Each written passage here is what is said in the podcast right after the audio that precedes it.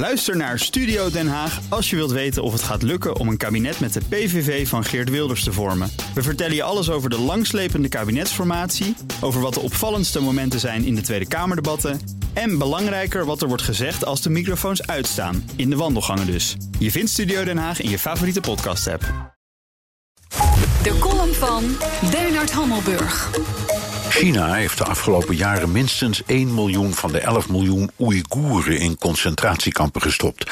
Omdat het terroristen zijn die moeten worden heropgevoed, zegt China omdat we moslims zijn met Turkse wortels, zeggen de Oeigoeren. De westerse wereld gelooft de Oeigoeren. Voor de Chinezen is het concentratiekamp niets bijzonders. Tijdens en na de communistische revolutie in de jaren 50 verdwenen er miljoenen zogenoemde contra-revolutionairen in. Wij zouden het oppositie noemen.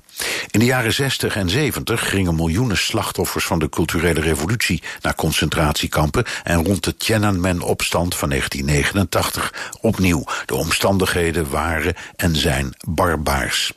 Er zijn talrijke ooggetuigenverhalen, zoals onlangs nog door onthullingen in de New York Times en de Volkskrant, tot grote woede van China dat pisnijdig wordt als iemand de provincie Xinjiang Oost-Turkestan durft te noemen. Dat deed de Duitse voetballer Mesut Özil, die voor Arsenal speelt, in een serie tweets waarin hij het opnam voor zijn moslimbroeders en zusters, met als gevolg dat de Chinese staatstelevisie CCTV de wedstrijd Arsenal-Manchester City uit de programmering schrapte. Chinese fans waren boos en teleurgesteld door Mesut Özil, schreef Beijings Engelstalige propagandablad Global Times in een front verontwaardigd artikel. Misschien nog wel interessanter was de kernboodschap van Özil's tweets. Daarin stelt hij dat er in de westerse wereld uitvoerig aandacht wordt besteed aan het lot van de Oeigoeren, maar in de islamitische wereld vrijwel niet. Korans worden verbrand, moskeeën gesloten, religieus onderwijs verboden, religieuze leiders één voor één vermoord. De mannen gaan de kampen in. Chinese mannen nemen hun plaats en onze zusters worden gedwongen Chinese mannen te trouwen. Maar de moslimwereld zwijgt. Özil is een optimist, want het is nog veel erger. Van de zomer tekende een groep Arabische landen een steunbetuiging aan China vanwege de goede stappen ter verbetering van de mensenrechten.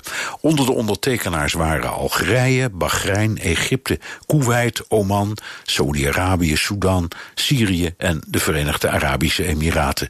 Wat moet je daar nou op zeggen?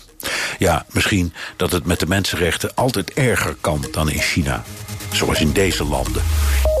En dat is Bernard Hammelburg, onze buitenlandcommentator... en op woensdag altijd columnist in de ochtendspits. En als u zijn column wilt terugluisteren... en als een, alle, als een andere columns ook, dan kan dat gewoon.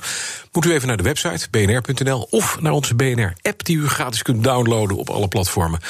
En als u daar toch bent, kijk eens even naar de podcast. Vandaag de nieuwe Petrolheads.